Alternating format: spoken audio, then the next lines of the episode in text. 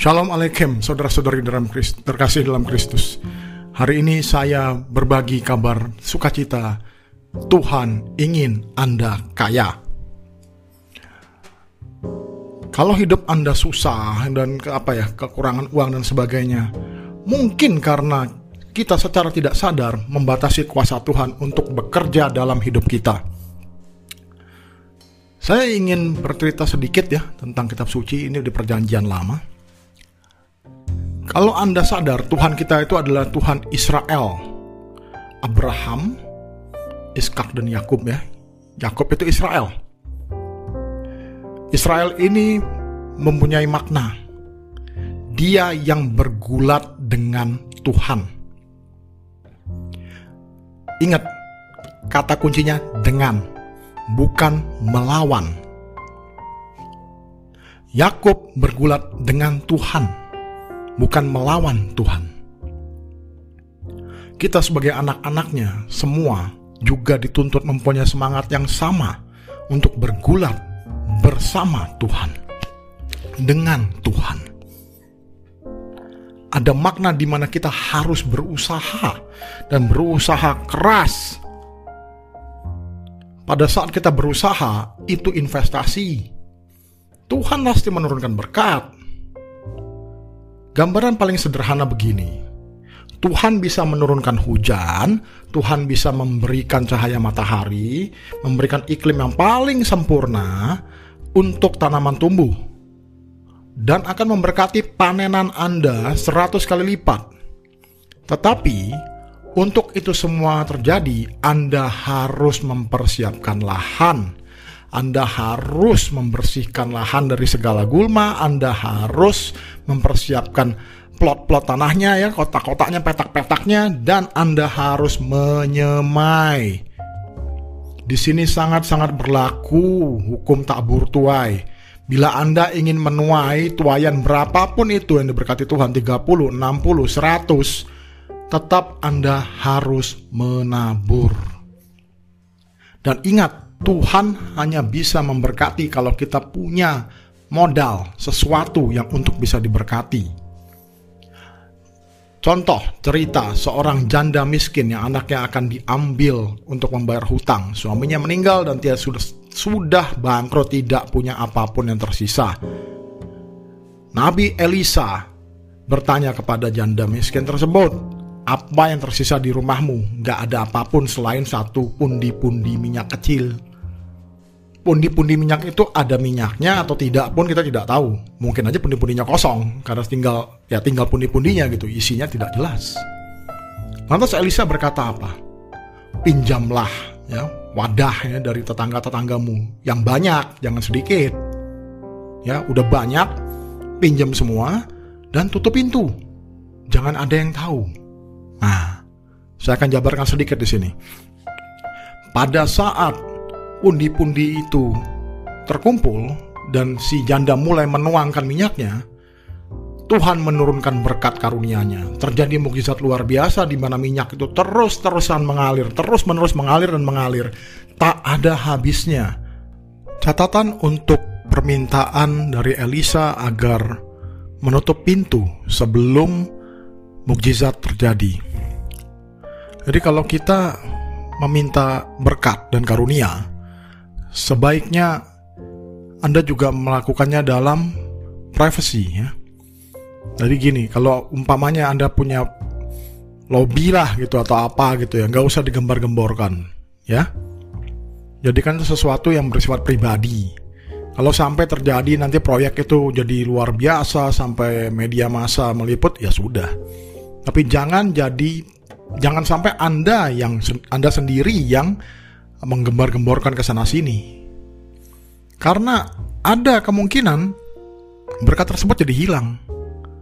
Bagaimana kalau kompetitor Anda yang dengar gitu kan? Atau ada ada manalah gitu perusahaan lain yang bisa menggantikan atau dari prinsipal sendiri tidak suka gitu. Karena mungkin proyek ini tidak seharusnya diumumkan ke mana-mana. Jadi hargai, terima kasih kepada Tuhan, dan tetaplah simpan ya sebagai hal yang pribadi, nggak perlu diumbar-umbar ke mana-mana. pundi-pundi terakhir penuh, sang janda itu masih tetap meminta, berikan lagi wadah berikutnya. Anaknya menjawab, sudah habis. Maka aliran minyak terhenti.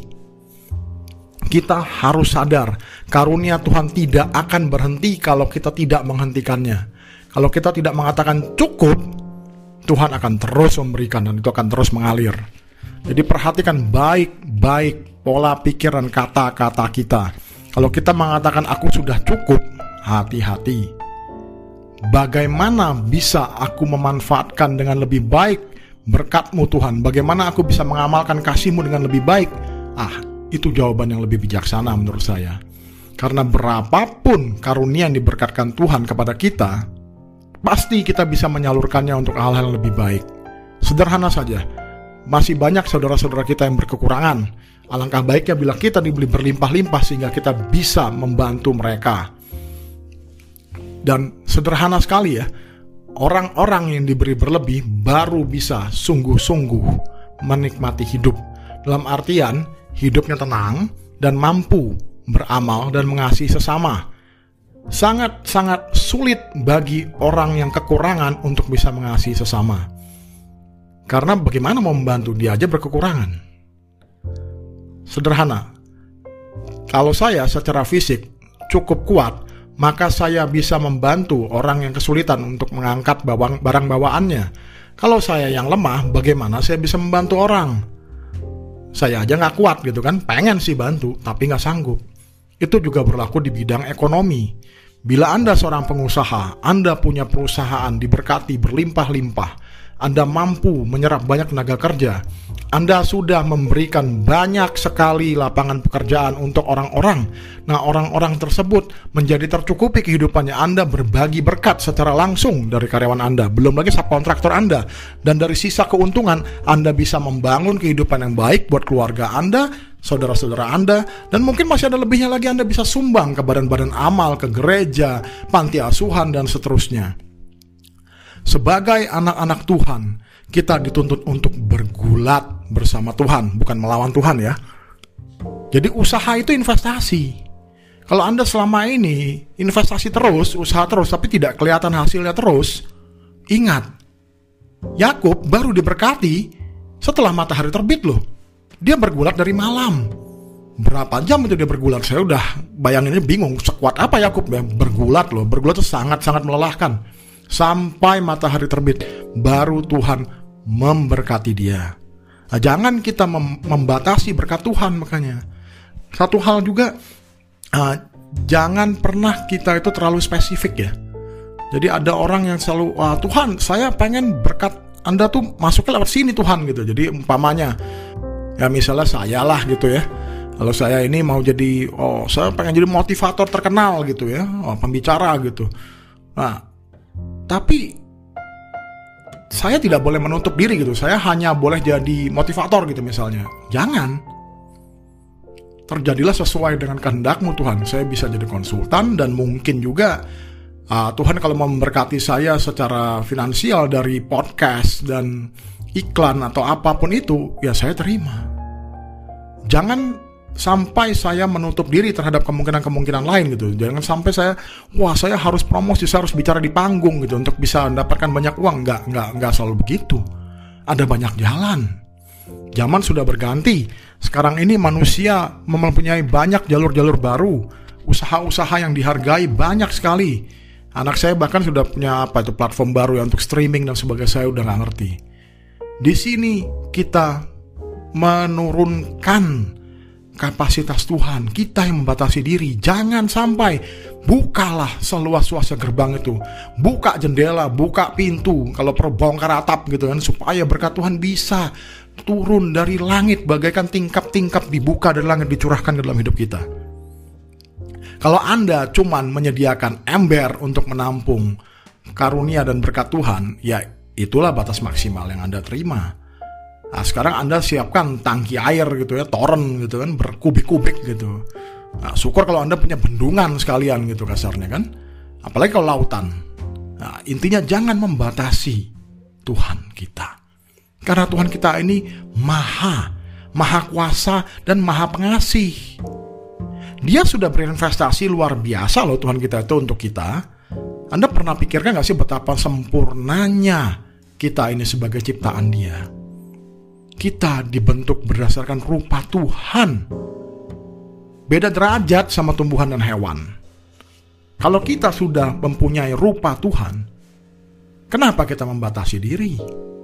biarkan Tuhan kita yang luar biasa itu bekerja melalui kita dan memberikan karunia-Nya yang luar biasa kepada kita tanpa batas.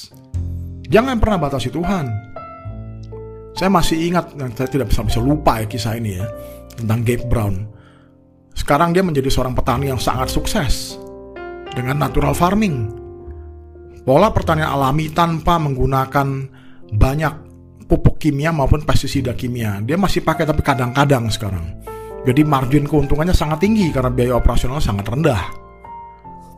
Itu semua berawal dari dia tiga tahun berturut-turut dihantam badai batu es. Batu es, bukan badai salju. Total menghancurkan hasil tanaman dia. Dari tiga kali berturut-turut gagal panen, dia bangkrut.